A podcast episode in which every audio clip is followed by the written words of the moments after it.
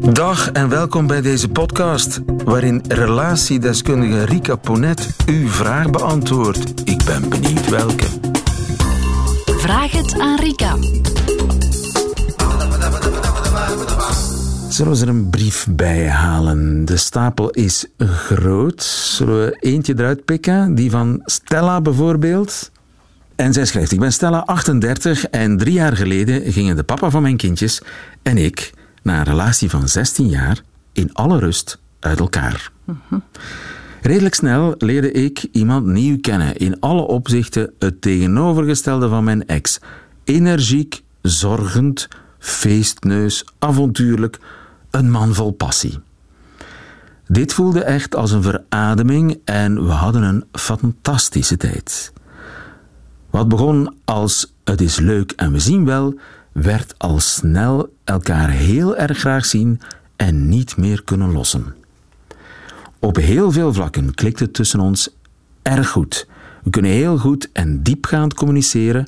Op seksueel vlak is alles dik in orde. We doen dezelfde dingen graag. Kortom, we kunnen samen echt van het leven genieten. Ik heb al vaak gedacht: dit moet zijn wat ze bedoelen met de liefde van je leven tegenkomen. Uh, tot nu toe Sprookje. geen probleem. Ja. Maar, en die maar hoorde ik ook al aankomen, Stella schrijft, gaat verder. Toch is dit geen sprookje. Want we lijken allebei niet klaar om ons zo snel opnieuw ten volle te binden. Bovendien zegt hij al sinds het begin dat hij geen monogame klassieke relatie meer wil. We hebben al een en ander uitgeprobeerd. Poly, open relatie, FWB. Friend with benefits. Oké, FWB. Vanaf nu gebruik ik de term. F- Ik heb ook al FWB geprobeerd. Poly. Polyamorie is dat. dat is een- meer mensen door elkaar. eh, enfin, Naast elkaar. Naast elkaar. Open relatie. Maar ik ging hierin erg over mijn grenzen. Het maakte veel stuk. En die dragen we nog altijd mee. Ik heb gemerkt dat ik echt nood heb aan iemand die er altijd is. Alleen voor mij kiest, zonder een plan B. Recent kreeg hij de diagnose ADHD. Oei, ja. Zijn focus wisselt nogal. De ene week ben ik zijn godin, de andere week ziet hij mij niet staan. En enkele maanden geleden kwam het tot een heftige ruzie. We hebben toen wat gas teruggenomen. We spraken uit dat onze verwachtingen van een relatie anders zijn. Maar we blijven elkaar zien. We kunnen elkaar niet loslaten. Het voelt zo juist en vertrouwd als we samen zijn. En daarnaast proberen we elkaar vrij te laten. En dat is erg moeilijk. We blijven hierover praten, maar geraken er niet uit. Ik denk dat hij al van in het begin bezig is met plan B.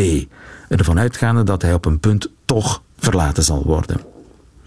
Vriendinnen zeggen me dat ik hem moet dumpen. Maar wat dan? Een leven als single klinkt voor velen leuk, maar ik kan het niet en word er erg verdrietig van.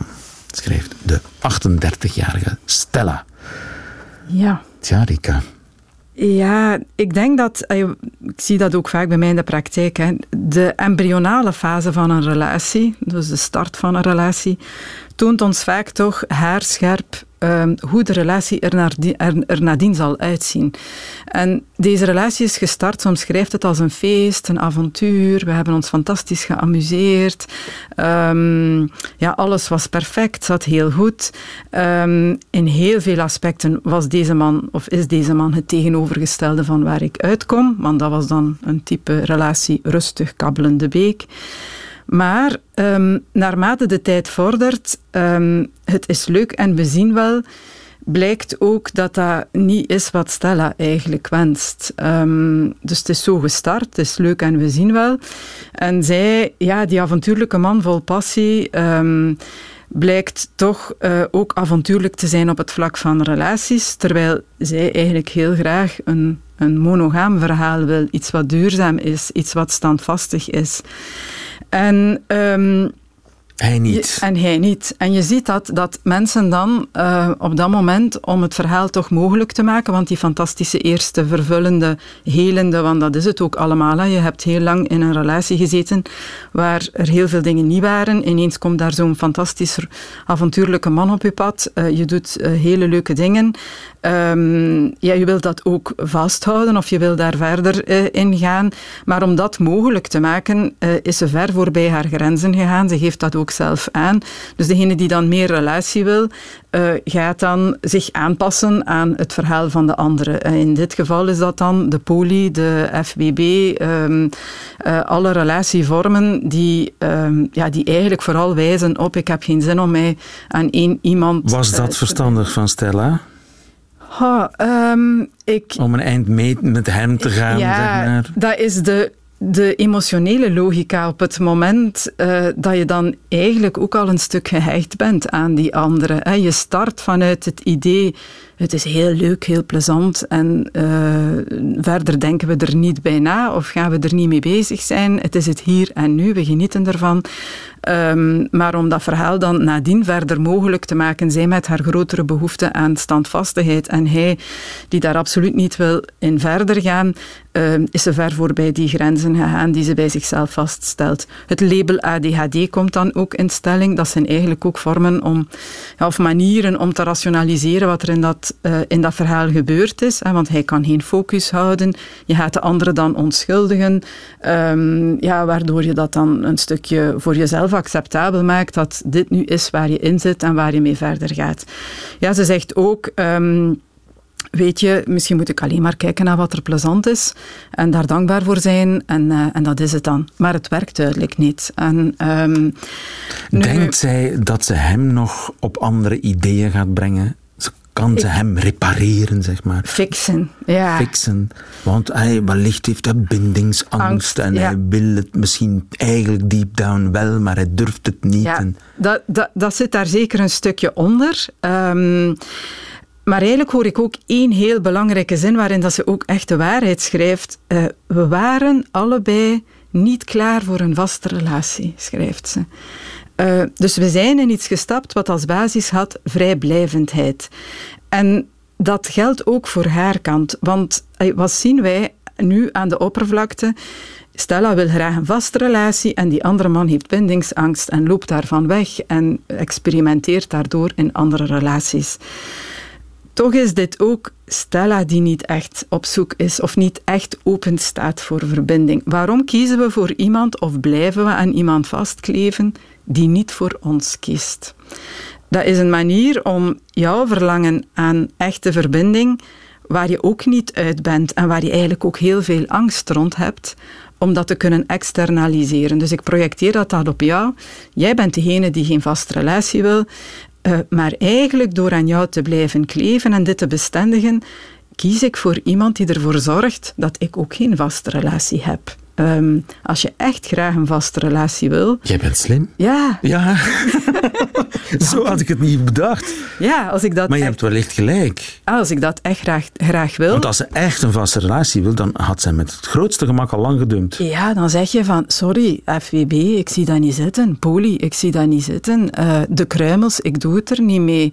Ja, ik wil dat jij voor mij kiest, want dan kan ik voor jou kiezen. Oké. Okay. Ja, maar. Dus, um, die conclusie genomen hebbende, wat is de volgende stap dan? Um, nu, dit is ook niet. Dit is ook oké. Okay. Ik vind Ja? dat. Ik valideer dat ook. Uh, ik zie Het dit mag. een stuk. Het mag. Dit is een vorm van een rebound-relatie, zoals we dat noemen. Een overzetboot wordt dat ook wel eens uh, genoemd.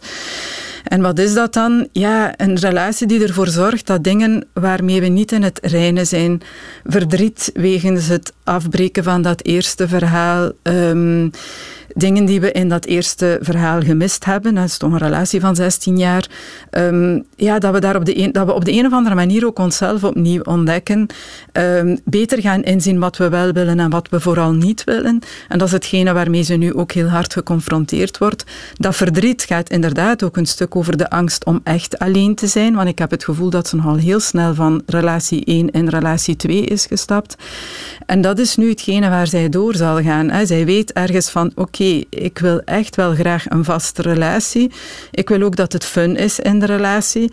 Um, en uh, ja, misschien zal ik nu een tijdje alleen moeten zijn of dat een, een tijdje ook moeten ervaren wat dat dan is. Uh, en deze man heeft mij een stuk geheeld, heeft ja, mij gebracht waar ik een overgangspauze. En dat, ja, en dat is prima. En Ja. dat, uh, dat hoeven we helemaal niet te devalueren. Dus ik hoor jou eigenlijk tussen de lijnen door zeggen, dump hem maar. Uh, ze zal dat uiteindelijk doen. Ah, ja. Mens, de kruik gaat te water tot ze barst, denk ik. Ja. Ja. mensen blijven het proberen tot het verlangen naar iets wat ze echt graag willen, de angst voor de kruimels die ze verliezen, overstijgt. Ik denk dat het daarover gaat. Heeft u zelf een vraag voor Rika Ponet? Stuur ze dan naar nieuwefeiten.radio1.be. En wie weet hoort u het antwoord in een volgende podcast. Namen worden sowieso veranderd.